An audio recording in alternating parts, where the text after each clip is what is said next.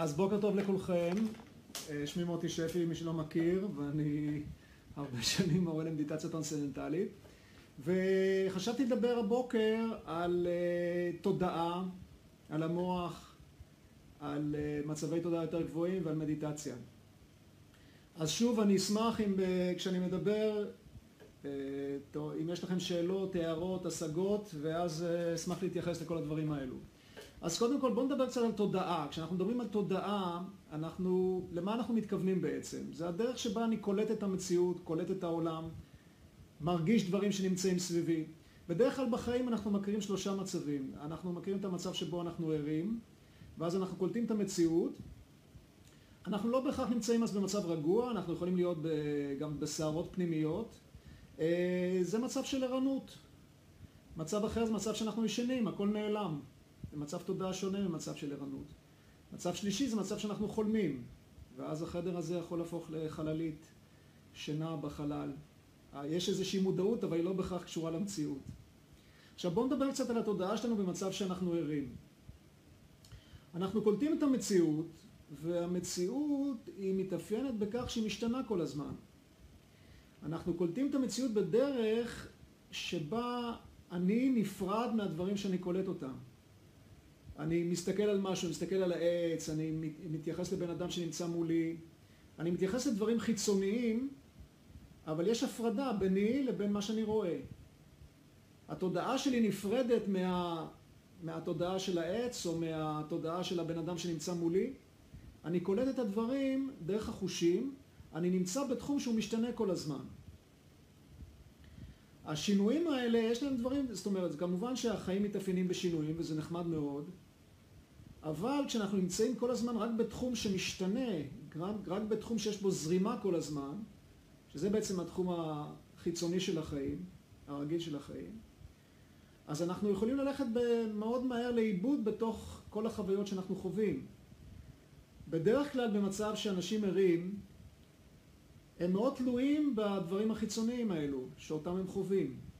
בדעות של אנשים אחרים, מה בן אדם אחר חושב עליי, הוא אומר לי דברים נחמדים או דברים פחות נחמדים, זה משפיע עליי.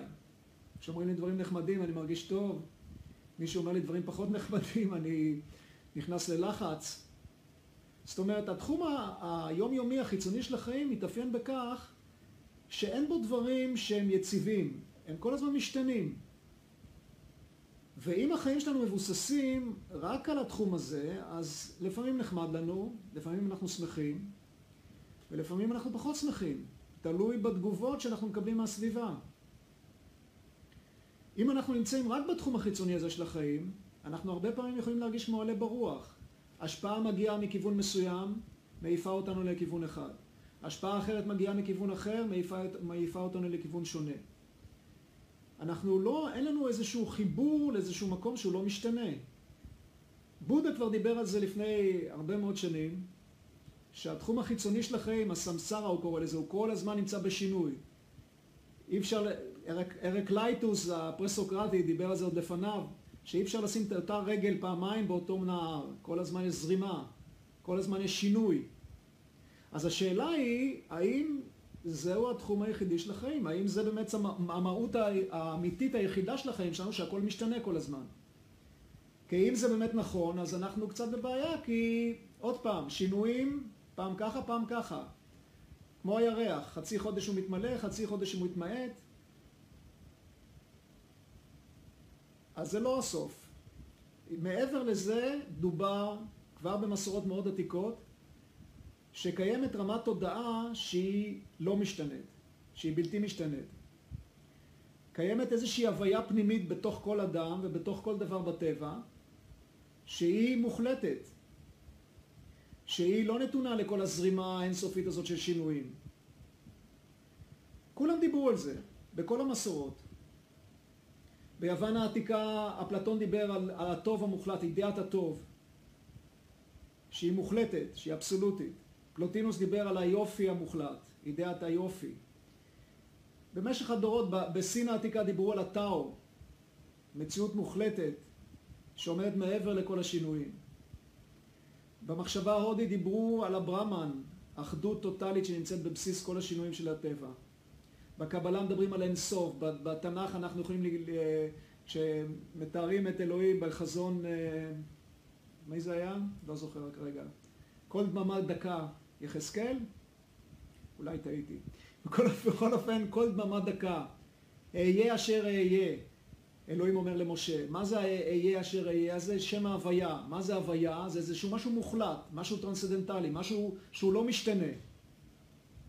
איפה נמצא המקום הזה שהוא לא משתנה? איפה נמצא הטאו הזה, הנירוונה הזאת של בודה, הברהמן של המחשבה ההודית, האין סוף של הקבלה?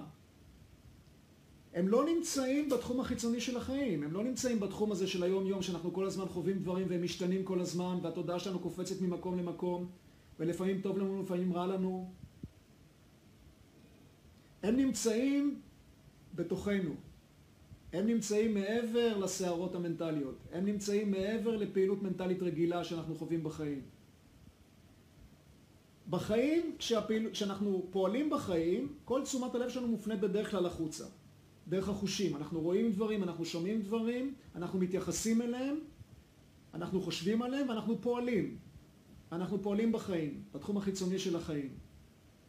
בכל המסורות העתיקות דובר על כך שאם נפנה את תשומת הלב שלנו פנימה, לתוכנו, נעבור מעבר לסערות, מעבר לשינויים האלה שהתודעה שלנו כל הזמן עוברת כשאנחנו ערים, נוכל לחוות מצב שהוא מוחלט. נוכל לחוות מצב של הוויה טהורה.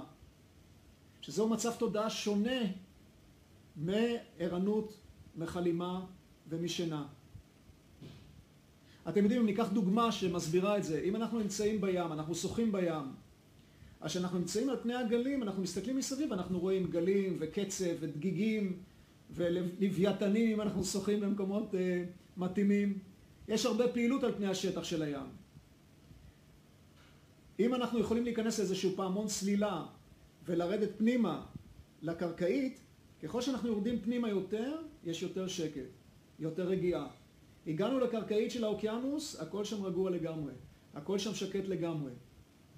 פני השטח של הים, הגלים, הדגיגים, המדוזות, הם, הם באנלוגיה הזאת הפעילות המנטלית הרגילה שלנו בחיים, שנמצאת בתחום הזה של רעש, של פעילות, של שינויים, התחום היחסי, התחום המשתנה של החיים.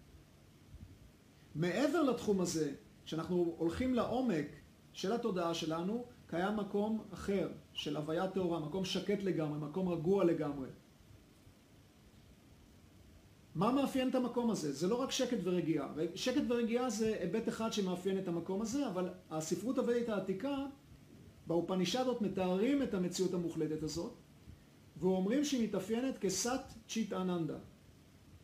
סת, מה פירוש המילה סת? משהו שהוא מוחלט. כלומר, בניגוד לתחום החיצוני של החיים, שהוא כל הזמן משתנה, ולכן אומרים שזה תחום יחסי, שהוא לא יציב, התחום האבסולוטי המוחלט הזה, הסת הזה, הוא תחום שהוא לא משתנה אף פעם. הוא לא נוצר בנקודה מסוימת בזמן, והוא לא מפסיק להתקיים בנקודה מסוימת בזמן, הוא נצחי, הוא קיים תמיד. ששוב זה קצת מסובך להבין, מה זאת אומרת, יש בתוכנו תחום שהוא קיים תמיד. אז מה יהיה כשאנחנו לא נהיה קיימים, איפה התחום הזה יהיה? אז המחשבה הוודית העתיקה אומרת שההוויה הטהורה הזאת קיימת בעצם בכל נקודה בבריאה. היא לא קיימת רק בתוכנו. היא בעצם הבסיס לכל מה שקורה בטבע, לכל השינויים האלה, הגלים האלה שכל הזמן מתרחשים בטבע. זאת אומרת שמעבר לשינויים, מעבר לסמסר, לתחום הזה שכל הזמן משתנה, קיימת מציאות מוחלטת, בלתי משתנה, תודעה טהורה. היא מהווה את הבסיס לכל השינויים. בלעדיה, כל היקום הזה, עם כל השינויים האינסופיים שקיימים בו, לא יוכל להתקיים. זאת אומרת שאנחנו מדברים פה על רמה שהיא מוחלטת, שהיא רמה שהיא בלתי משתנית. בבגבד גיתא נאמר, גם אחרי שהגוף הזה מפסיק להתקיים, ההוויה הזאת ממשיכה להתקיים. וכלי נשק לא יכולים להרוג אותה, ואש לא יכולה לשרוף אותה, ומים לא יכולים אה, להרטיב אותה. כי זה לא, משהו, זה לא משהו פיזי, זה לא משהו מוחשי, זה איזושהי הוויה טהורה, אבל זו הוויה שמצד אחד היא אבסטרקטית, היא מופשטת, היא לא מוחשית, מצד שני ניתן לחוות אותה. זה לא דבר רק תיאורטי, זה לא פילוסופיה תיאורטית. איך אנחנו יכולים לחוות אותה? על ידי כך שאנחנו לוקחים את תשומת הלב שלנו פנימה, נדבר על כך עוד מעט. אבל לפני זה, אמרנו, האופנישלות מתארות את המצב הזה כסת צ'יט אננדה. תודעה, צ'יט, סת בלתי משתנית, אננדה, עושר עליון. אננדה זה מושג שגם כן לא תמיד קל להסביר אותו. אנחנו מכירים בחיים חוויות של עושר. אנחנו מתאהבים, אנחנו מקבלים עבודה חדשה, אנחנו אה, נוסעים לטיול, נהנים, חווים איזשהו היבט של עושר בחיים. אבל שוב, מה שקורה בתחום החיצוני של החיים, החוויות האלה של העושר הן לא קבועות, הן משתנות. אני יכול להיות מאוד מאושר ואחרי רגע פחות מאושר. מישהו אוהב אותי, אני מאוד מאושר, אחרי תקופה מסוימת האהבה הגדולה נפסקת ואני פחות מאושר. קיבלתי העלאה בעבודה, מרוויח יותר בחודש, אני מאושר. אחרי זמן מסוים יש יותר בעיות, דברים אחרים אני פחות מאושר. זאת אומרת, החוויה של עושר בתחום החיצוני המשתנה של החיים, היא כל הזמן אה, יכולה לזוז ולנוע ולהשתנות. היא לא קבועה. והעושר בדרך כלל שאנחנו חווים בחיים, הוא תלוי בדברים חיצוניים. בתחום החיצוני של החיים התכוונתי. הוא תלוי בדברים חיצוניים. אם מישהו אוהב אותי, אם מישהו נחמד אליי, אם הסיטואציות החיצוניות תומכות במה שאני רוצה לעשות. אבל כאן כשהאופנישד מדברות על כך שההוויה הטהורה הזאת שנמצאת בתוכנו ובכל נקודה בטבע מתאפיינת כסת שיט אננדה שהיא מדברת על אננדה היא מדברת על עושר שונה. על עושר שלא תלוי בשום דבר חיצוני. על בליס באנגלית בעברית עושר עליון. והעושר הזה על פי הבנה הוודית מהווה את עצם המהות הפנימית שלנו. הוא קיים בכל אדם, הוא קיים גם בכל נקודה בטבע. אבל אנחנו לא חווים אותו בצורה קבועה. יש דברים שמסתירים אותו. מה מסתיר אותו? הגלים, הסערות, המתחים, הלחצים, כל הדברים האלה שאנחנו חווים בחיים הם כמו עננים שמסתירים את השמש. השמש נמצאת שם כל הזמן. השמש הזאת של התודעה הטהורה, של ההוויה הטהורה הזאת שנמצאת בתוכנו, היא כל הזמן זורחת, היא כל הזמן נמצאת שם. אבל מתחים ולחצים ובעיות ותסכולים וחרדות וכל הדברים האלה שאנשים חווים בחיים, זה כמו עננים שמסתירים את השמש. וזאת הסיבה שאנחנו לא מכירים, לא חווים הרבה פעמים את המצב הזה. איך אפשר להגיע לחוויה הזאת? על ידי, שוב, על ידי כך שאנחנו עוזבים את התחום החיצוני של החיים, אנחנו עוצמים עיניים, מפנים את תשומת הלב שלנו פנימה, לוקחים את תשומת הלב שלנו מהסערות האלו, מהגלים האלו החיצוניים, לרמות יותר שקטות ויותר שקטות ויותר שקטות ויותר שקטות, עד שאנחנו עוברים מעבר לכל פעילות מנטלית וחווים מצב של תודעה טרנסדנטלית. דיברנו על שלושה מצבי תודעה, ערנות, חלימה ושינה. יש מצב תודעה נוסף, זה מצב של תודעה טרנסדנטלית. מה פירוש המילה טרנסדנטלי? זה לא בא מהמילה טרנס, וזה גם לא משהו דנטלי. פירוש המילה טרנסדנטלי זה מעבר. במדיטציה טרנסדנטלית יש לנו טכניקה מאוד פשוטה, מאוד טבעית, מאוד חסרת מאמץ, שמאפשרת לנו לעבור מעבר לפעילות המנטלית, מעבר למחשבות. מדיטציה פירושה חשיבה, מחשבות. ברגע שאנחנו עוברים מעבר לכל הפעילות האינטנסיבית הזאת שאנחנו מכירים בחיים, שאנחנו חווים כשאנחנו ערים, גם כשאנחנו ישנים וחולמים, יש פעילות שמתרחשת שם. כשאנחנו עוברים מעבר לכל הפעילות הזאת, אנחנו חווים מצב שמצד אחד אנחנו בערנות מלאה, אנחנו במודעות מלאה, אבל אנחנו לא מודעים לדברים חיצוניים. אמרנו, בדרך כלל בחיים, כשאני מודע לדברים, כשהתודעה שלי פועלת, אני מודע לדברים שנמצאים מחוץ אליי.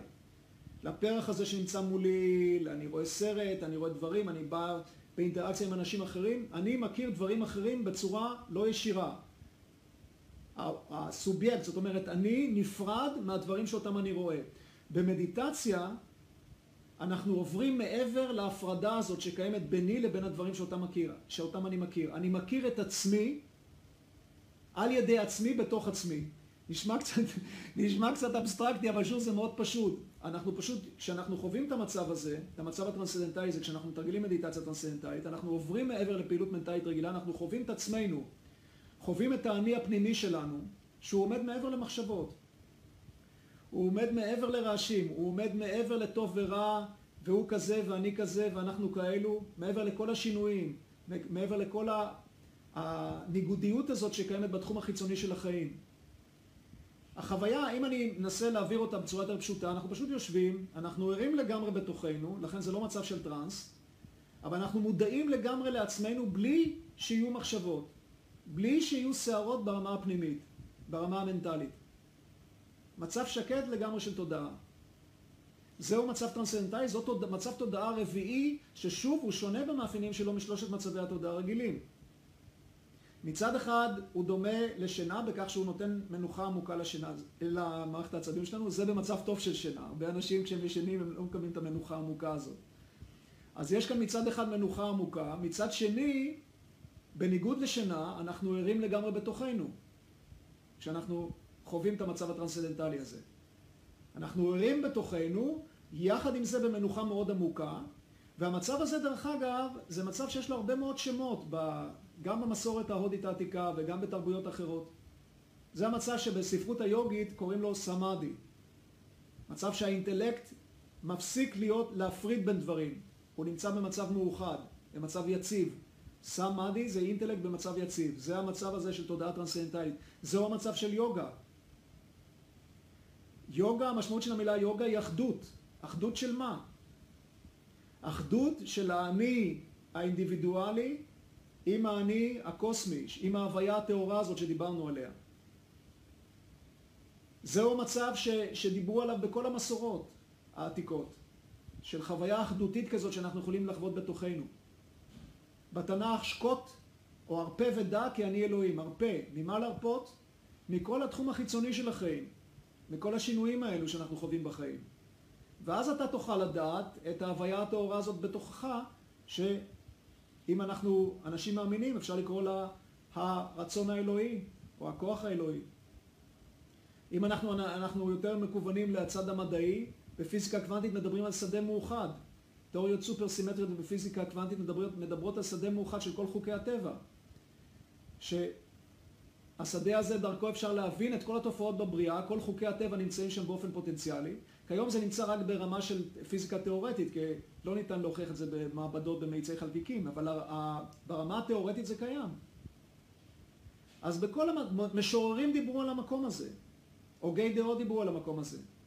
מוזיקאים מדברים שההשראה שלהם באה כשהם נמצאים במצב השקט הזה. אז מה אנחנו צריכים לעשות כדי להגיע למקום הזה? אנחנו צריכים להפנות את תשומת הלב שלנו פנימה. אנחנו צריכים לחוות רמות יותר ויותר שקטות של פעילות מנטלית, ולעבור גם מכל הר... מעבר לכל הרעשים האלה ולחוות את השקט הפנימי הזה. במצב הזה אין הפרדה בין הסובייקט לאובייקט. זאת אומרת, אין כאן, מצ... כשאני חווה מצב טרנסצדנטלי, אין פה משהו שמפריד ביני לבין אותו דבר שאני חווה. הסובייקט והאובייקט, זאת אומרת אני והדבר שאותו אני מכיר, וה... החיבור ביני לבין אותו דבר שאני מכיר, הם שלושתם נמצאים במצב אחד של הוויה טהורה. או בשפה יותר פשוטה, אני מכיר את עצמי על ידי עצמי, וכל השלושה האלה, אני והדבר שאני מכיר, והתהליך שמחבר בינינו, כולם נמצאים בשקט אחד, בהוויה טהורה. זהו מצב טרנסצדנטלי. והמצב הזה זה לא סתם מצב של שקט. אני הדגשתי בהתחלה את הקטע שעל פני השטח יש את הגלים והסערות, ובתוכנו יש מקום שקט, רגוע לגמרי, כמו בקרקעית של הים. מעבר לגלים, אבל זה, המצב הטרנסצנדנטלי הזה הוא הרבה יותר מסתם מצב שקט. ההבנה המקובלת בספרות הוודית העתיקה, שמשם מעריש האש יוגי החיה את כל הנושא הזה של מדיטציה טרנסצנדנטלית, היא שהשקט הזה הוא בעצם כולל בתוכו באופן פוטנציאלי את כל חוקי הטבע. כשאנחנו מסתכלים בטבע, אנחנו רואים שהדברים קורים בצורה מסודרת. אם אני זורע זרע של עץ תפוחים, אני מקבל תפוחים ולא עגבניות. אם אני מתבונן בתנועה של הפלנטות, הן נעות בצורה מסודרת שניתן לצפות אותה מראש. הטבע פועל בצורה מסודרת. יש, ברור לכל אחד, לא משנה אם אנחנו מאנשים מאמינים או לא מאמינים, שיש אינטליגנציה אינסופית שפועלת בטבע. כל אחד מאיתנו הוא חלק מהטבע. לכן סביר להניח שאותה אינטליגנציה אינסופית שמסדרת ומכוונת ומארגנת את כל מה שקורה שם, מאפשרת לעונות השנה לנו להתחלק בצורה מסודרת, לפלנטות לנוע ברקיע בצורה שניתן לצפות אותה מראש, אותה אינטליגנציה אינסופית היא נמצאת גם בתוך כל אחד מאיתנו, מכיוון שאנחנו חלק מהטבע. והיכן היא נמצאת? היא לא נמצאת ברעשים, היא לא נמצאת במתחים, היא לא נמצאת בסערות האלה שאנחנו חווים בצד החיצוני של החיים, כשאנחנו נמצאים במצב של ערות, כשהתודעה שלנו ערה, או שאנחנו ישנים או שאנחנו חולמים, אנחנו לא חווים אז את המצב הזה. השמש נמצאת שם, אבל שוב משהו מסתיר אותה, וזה המתחים והלחצים. כדי לחוות אותה אנחנו צריכים לעבור מעבר לסערות האלו, מעבר לפעילות האינטנסיבית הזאת ברמה המנטלית, ולכן אנחנו מתרגלים מדיטציה בעיניים עצומות.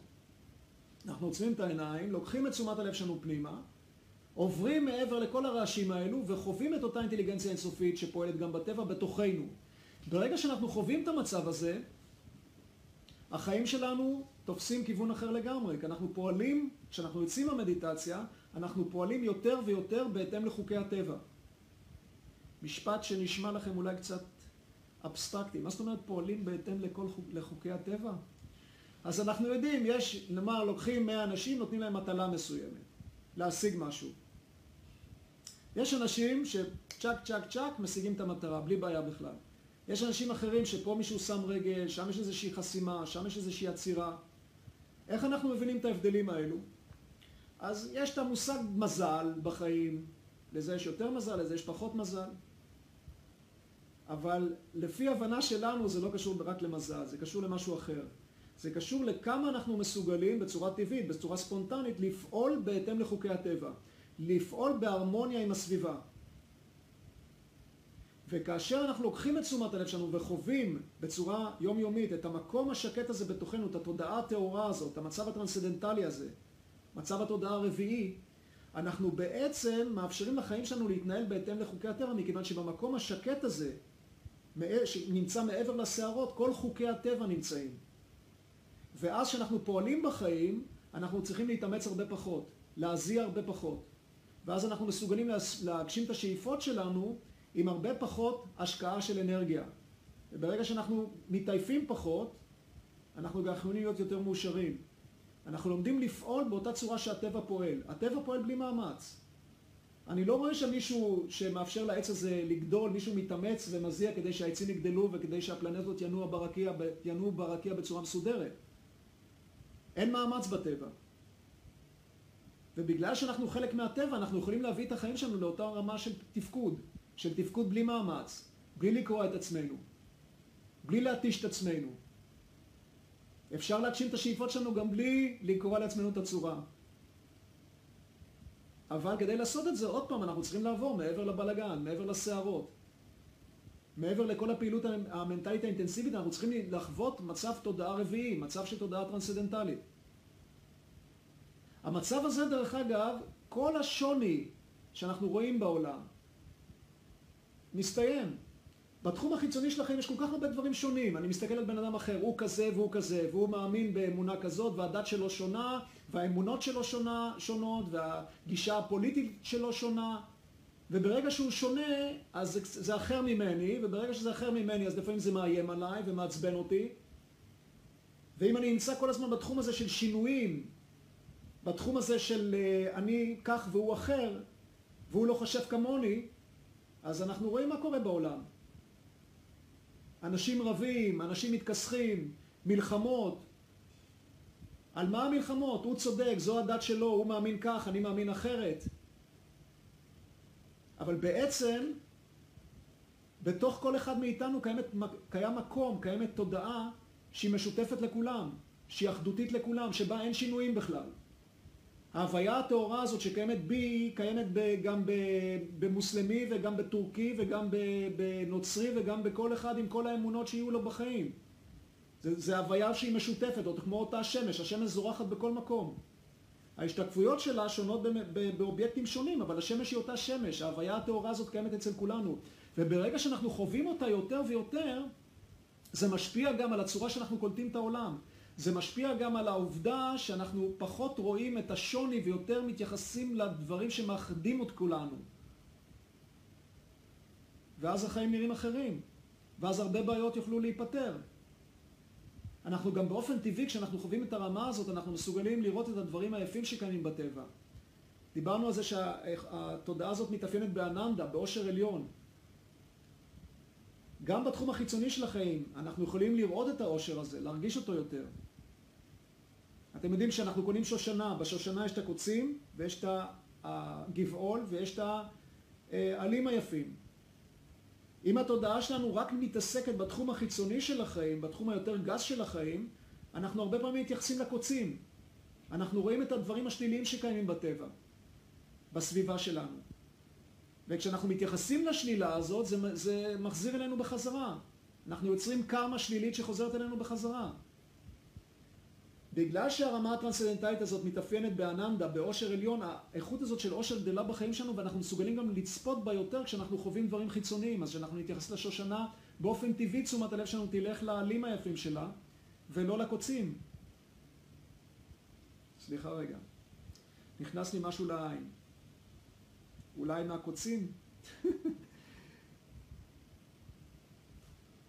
זאת אומרת, הרבה מאוד אנשים שעושים מדיטציה שמים לב שבאופן טבעי, לא בגלל שמישהו אמר להם משהו, תשומת הלב שלהם בחיים הולכת לדברים חיוביים, לדברים יפים יותר.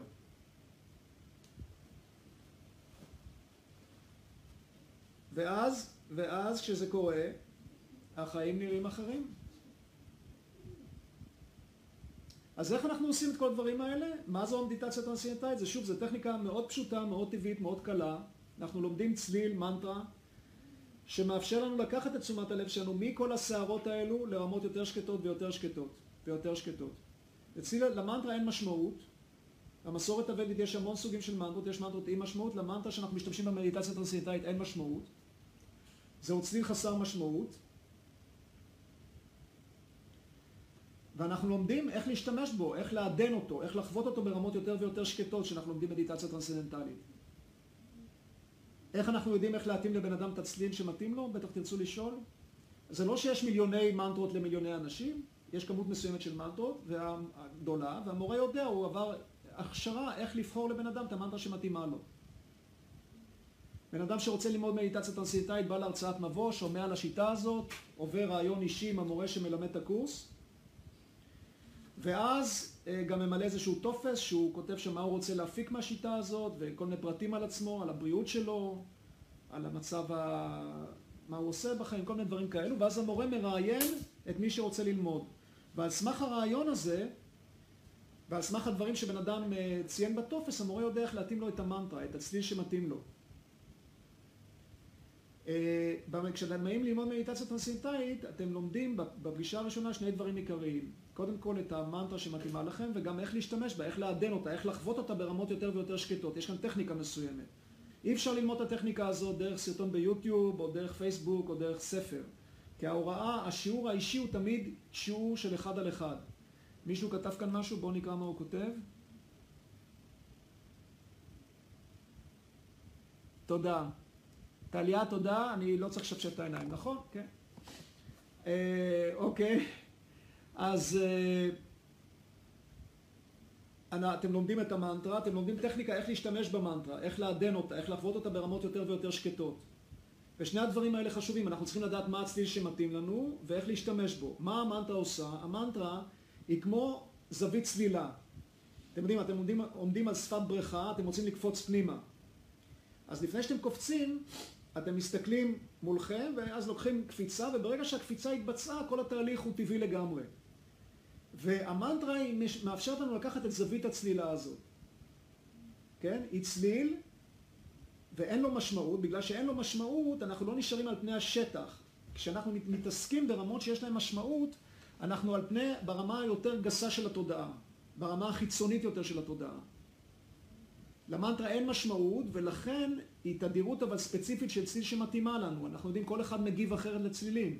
יש אנשים שאוהבים מוזיקה מסוימת, יש אנשים שאוהבים מוזיקה אחרת, כל אחד מגיב אחר, אחרת לצלילים, ולכן חשוב שהצליל שבאמצעותו אנחנו מתרגלים את המדיטציה יהיה צליל שמתאים לנו, צליל שתומך בנו. ומאיפה הצלילים האלה באים? הם לא באים ממני, שאני מלמד, מדיט... מלמד מדיטציה טרנסצנדנטלית 40 שנה. אני מורה מכמעט 40 שנה, אני מורה מתחילת 1900, מסוף 1978, תחילת 1979, כמעט 40 שנה.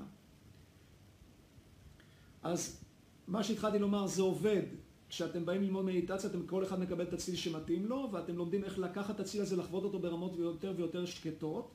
והצליל הזה הוא שמאפשר לנו לקחת את תשומת הלב פנימה, בצורה טבעית. במדיטציה טרנסצנדנטלית היא מאוד שונה מטכניקות אחרות של מדיטציה, אין בה בכלל ריכוז. אנחנו לא מתרכזים בצליל הזה, אין, זה לא טכניקה של ריכוז.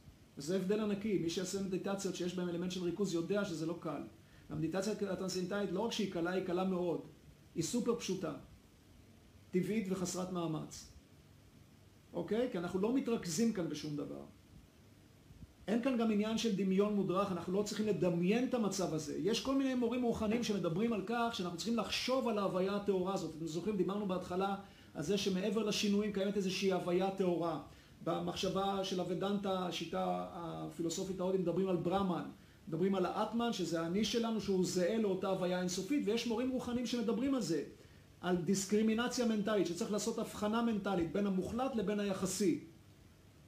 ולומר, אני לא זה, אני לא הפעילות המנטלית, ואני לא האיגו, ואני לא האינטלקט, ואני לא זה, ואני לא זה, אני ההוויה הטהורה הזאת, ולהמשיך לחשוב על זה כל הזמן.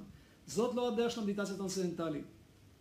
אנחנו לא מדברים כאן על עשייה של איזשהו מצב רוח מסוים כדי לחוות את המצב הטרנסצנדנטלי הזה, כדי לחוות את המצב התודעה הרביעי הזה.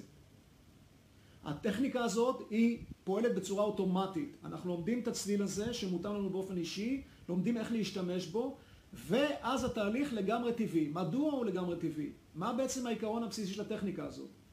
הטכניקה הזאת מבוססת על עצם הטבע של החיים. ואם אני אשאל אתכם, מה הדבר הבסיסי ביותר שכולם רוצים בחיים? מה תגידו? מה אתם הכי רוצים בחיים? נו, שמישהו יתקתק פה? אם אתם ערים? אני לא רואה פה טקטוקים. טוב, אז אני אענה, ב, אני אענה, תראו, אנשים עונים לשאלה הזאת בכל מיני צורות. יש כאלה שאומרים, אנחנו רוצים להיות בריאים. זה הדבר הבסיסי ביותר שאנחנו רוצים בחיים. אנשים אחרים אומרים, אנחנו רוצים שיהיה לנו יותר כסף, אנחנו רוצים שיהיה לנו זוגיות טובה, אנחנו רוצים אהבה, אנחנו רוצים הצלחה. אבל בעצם הדבר הבסיסי ביותר שכולם רוצים בחיים, זה להיות מאושרים. אושר, יפה מאוד. זאת התשובה. זה בדיוק מה שאמרתי. כולם רוצים להיות מאושרים. עכשיו, מה שקורה בחיים שבאופן טבעי תשומת הלב שלנו נמשכת למה שגורם לנו ליותר אושר. אהבה, אושר נכלל גם באהבה. זה נכון שאהבה, כל הדברים נכונים, גם אהבה וגם אה, הכנסה וגם בריאות, כל הדברים האלה גורמים לנו אושר, אבל אושר כשלעצמו הוא הבסיס לכל. אז עבור אחד האושר זה אהבה, עבור אחד זה האושר זה הצלחה, עבור שלישי האושר זה הכנסה, אבל כולם רוצים להיות מאושרים. עכשיו תחשבו על סיטואציה כזאת, אתם יושבים בבית, קוראים את העיתון. חדשות בעיתון, לא מי יודע מה, כפי שאנחנו יודעים, החלון פתוח, שכן ממול פותח את הרדיו, דרך החלון הפתוח אתם שומעים איזה מוזיקה שמוצאת חן בעיניכם, מה קורה? תשומת הלב שלכם זזה בלי להתאמץ בכלל, מאותן חדשות בעיתון לאותה מוזיקה, מדוע? כי אותה מוזיקה גורמת לכם ליותר אושר, ליותר שמחה. זה קורה בלי להתאמץ בכלל. או דוגמאות נוספות, אתם יושבים עם חברים באיזשהו אירוע, יושבים סביב השולחן והשיחה קצת לא מי יודע מעניינת אתכם. בחצי אוזן אתם שומעים שלידכם, בשולחן ליד, אנשים מדברים על משהו שמאוד מעניין. באופן אוטומטי תשומת הלב הולכת לשם, בלי להתאמץ בכלל. אתם יוצאים לנופש, לוקחים איתכם ערימה של ספרים, פותחים ספר אחד, קוראים שני עמודים, אה, לא מעניין, זורקים אותו החוצה. ספר שני, של... כמה עמודים, מפנים החוצה. פתאום אתם מגיעים לאיזשהו ספר שמוצא חן בעיניכם, אופס, לא שמתם לב בכלל, סיימתם את כל הספר. זאת אומרת, דברים שמקסימים אותנו, דברים שגורמים לנו ליותר שמחה, ליותר עושר, הם תופסים אותנו בצורה טבעית, לא צריך להתאמץ כדי שזה יקרה. בכל התרבויות, בכל המסורות, כל הוגי הדעות דיברו על כך שעושר אמיתי נמצא איפה? נו, מחכה שתתקתקו. איפה נמצא עושר אמיתי? הוא לא נמצא בדברים חיצוניים. אנחנו חושבים שהדברים החיצוניים ייתנו לנו עושר, אבל עושר אמיתי נמצא תמיד בפנים. אבל איפה בפנים? הוא לא נמצא בבפנים של הסערות והגלים והמתחים והחרדות וכל הדברים האלו. הוא נמצא במקום השקט הזה בתוכנו. במקום הזה שאנחנו עוברים מעבר לסערות, מעבר לגלים.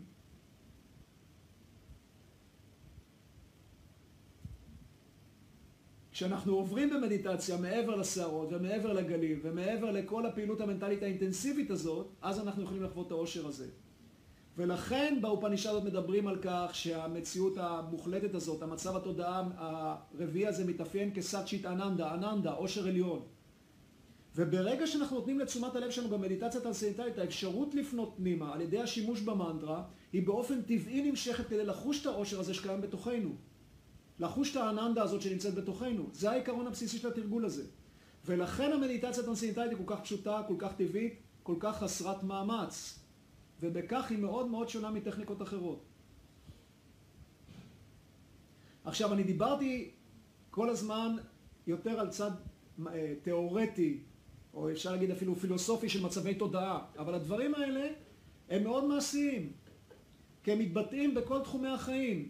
אתם יודעים, אם אנחנו מדברים על המוח, המוח שלנו הוא אחראי לכל המצבי תודעה שלנו גם כן, כי תודעה יכולה להיווצר בהתאם לפעילות של המוח. כשהמוח שלנו ערני, התודעה, אנחנו ערים. עכשיו, מה קורה בדרך כלל במוח? במוח יש כל מיני חלקים. יש את קליפת המוח הקדמית, שזה אזור שנמצא קצת מאחורי המצח שלנו, שהוא המנכ"ל של המוח. אינפורמציה מגיעה לקליפת המוח הקדמית מכל מיני אזורים אחרים של המוח, ושם אנחנו עושים את ההחלטות האינטליגנטיות שלנו. שם, שם אנחנו מבצעים החלטות נכונות, שם אנחנו יכולים לפעול בצורה נכונה. אפשר לומר שזה המנכ"ל של המוח. אחראי לפעילות היותר גבוהה שלנו, היותר אינטליגנטית שלנו. אזור אחר במוח, המיגדולה, שנמצא בערך פה, הוא יותר קשור לפעילות אימפולסיבית. לפעילות, יש לו את החשיבות שלו, זאת אומרת, אם, אם אני הולך בדרך, נחש קופץ עליי, הולך להקיש אותי, האמיגדולה שולחת אינפורמציה שהחיים שלי בסכנה, ואז אני במהירות זז ומתחמק מהנחש. אז במצב כזה, האמיגדולה פועלת בצורה טובה, היא מצילה לנו את החיים.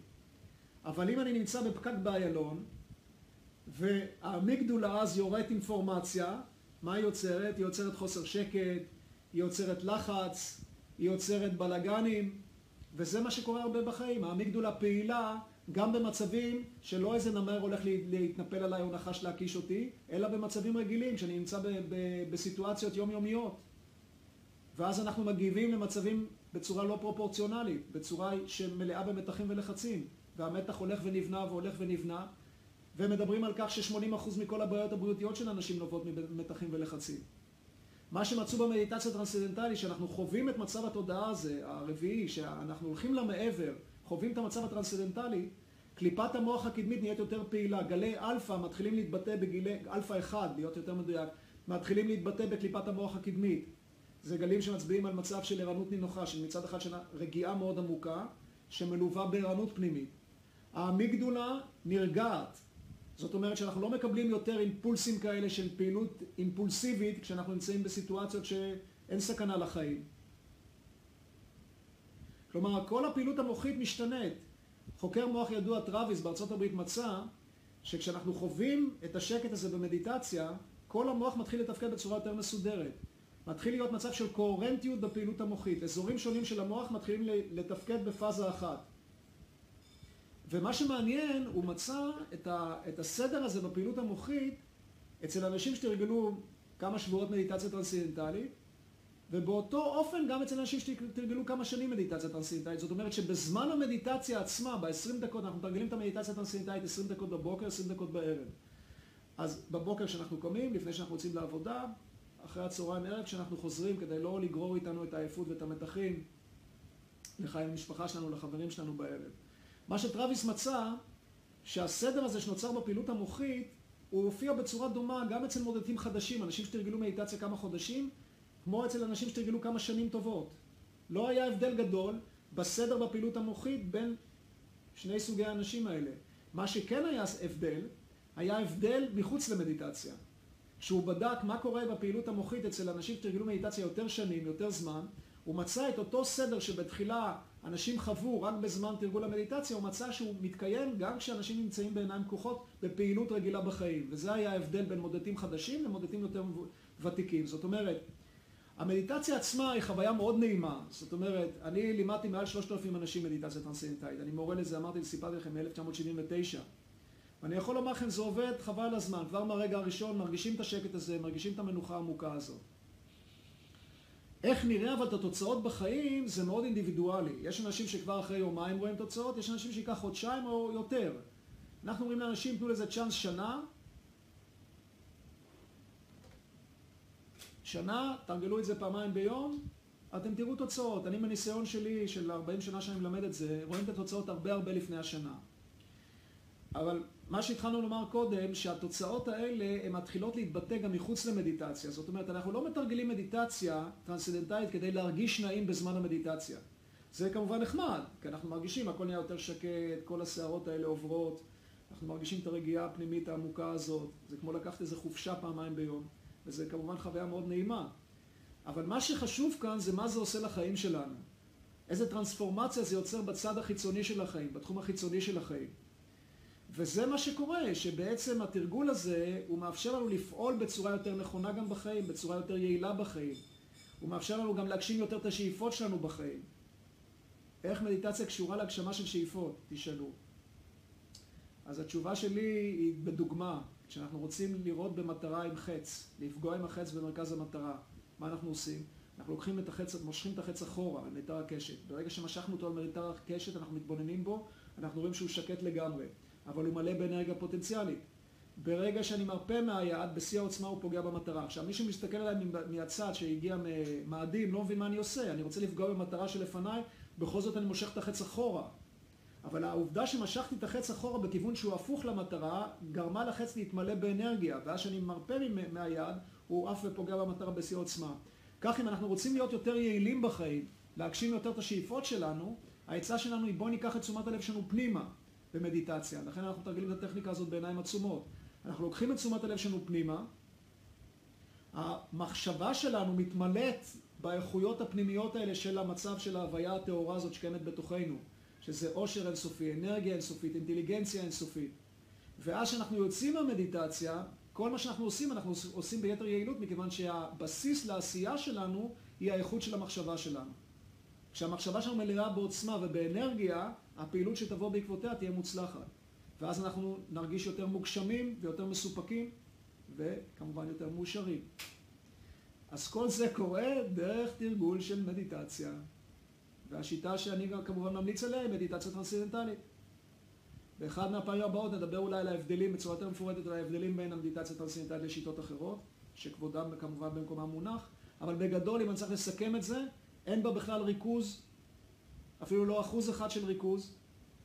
אם נתרכז זה פשוט לא יעבוד. אין בה מאמץ, אין פה משהו שקשור לדמיון מודרך. היא לא מתעסקת בתכנים פסיכולוגיסטיים, זאת אומרת, אין פה כמו בכל מיני מדיטציות בודהיסטיות עניין, עניין של להתעסק בכל מיני חסימות פנימיות ולהבין מאיפה רגשות מסוימות מגיעים אלינו ואיך אנחנו מותנים על ידי כל מיני דברים כאלה.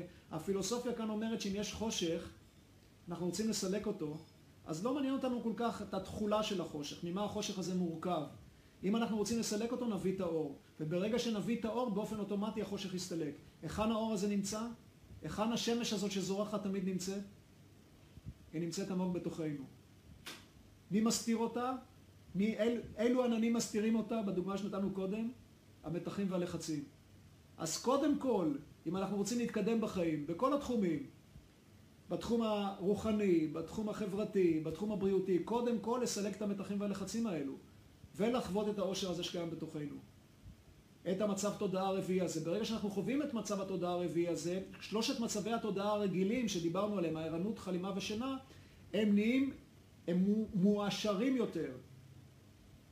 אנחנו בעצם מתחברים אז למרכז הרוחני הפנימי שלנו, לאני האמיתי שלנו. אתם יודעים, אם גנן שמסתכל על עץ רואה שהעץ במצב לא טוב, אז יש כמה אופציות, יש כמה דרכים, אנחנו מסתכלים על עץ כזה, יש כמה דרכים לטפל בו. דרך אחת היא לנסות לגשת לעלים, לגשת לפירות, לנסות לטפל בהם, להבריק אותם, להשפריץ עליהם מים או כל מיני דברים כאלו. זה לא ממש פותר את הבעיה. דרך יותר אינטליגנטית זה ללכת לשורש, להשקות את השורש, וברגע שאנחנו משקים את השורש באופן אוטומטי, כל ההיבטים החיצוניים של העץ יראו יותר טוב. עכשיו, יש, אנחנו חיים בתקופה שיש המון המון שיטות שמדברות על שיפור של כל מיני תחומים חיצוניים של החיים. יש שיטות שמאפשרות לאנשים ללמוד איך לדבר יותר נכון, יותר יפה, לתקשר יותר טוב עם אנשים אחרים, לבוא ביחסים יותר הרמוניים עם אחרים. יש שיטות שמאפשרות לנו, שמלמדות אותנו איך אה, לחשוב בצורה יותר חיובית על עצמנו, איך לנסות להיות פחות שליליים, כל מיני שיטות שונות ומשונות שהן בעצם מדברות על שינויים בתחום היותר חיצוני של החיים. אז בדוגמה שלנו זה יהיה כמו לנסות לטפל בפרחים או בעלים.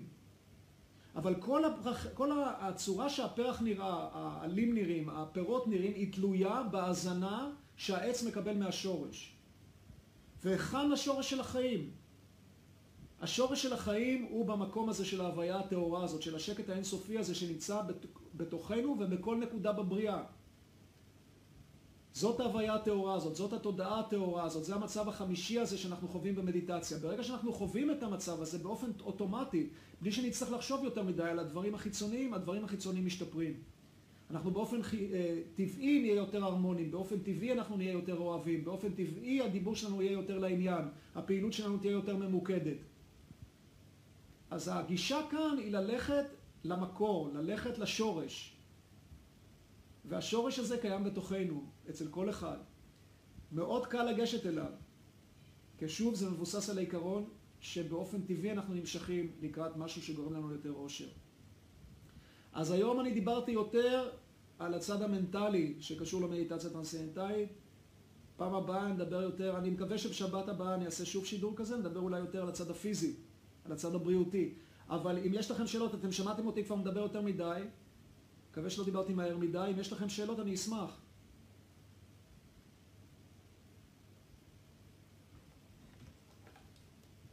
כן? אתם יודעים שאין שאלות, אז יש כמה אופציות. אתם יודעים, אתם יודעים מה האופציות? או שהכל ברור, או ששום דבר לא ברור. אז טוב, נקווה שהכל ברור.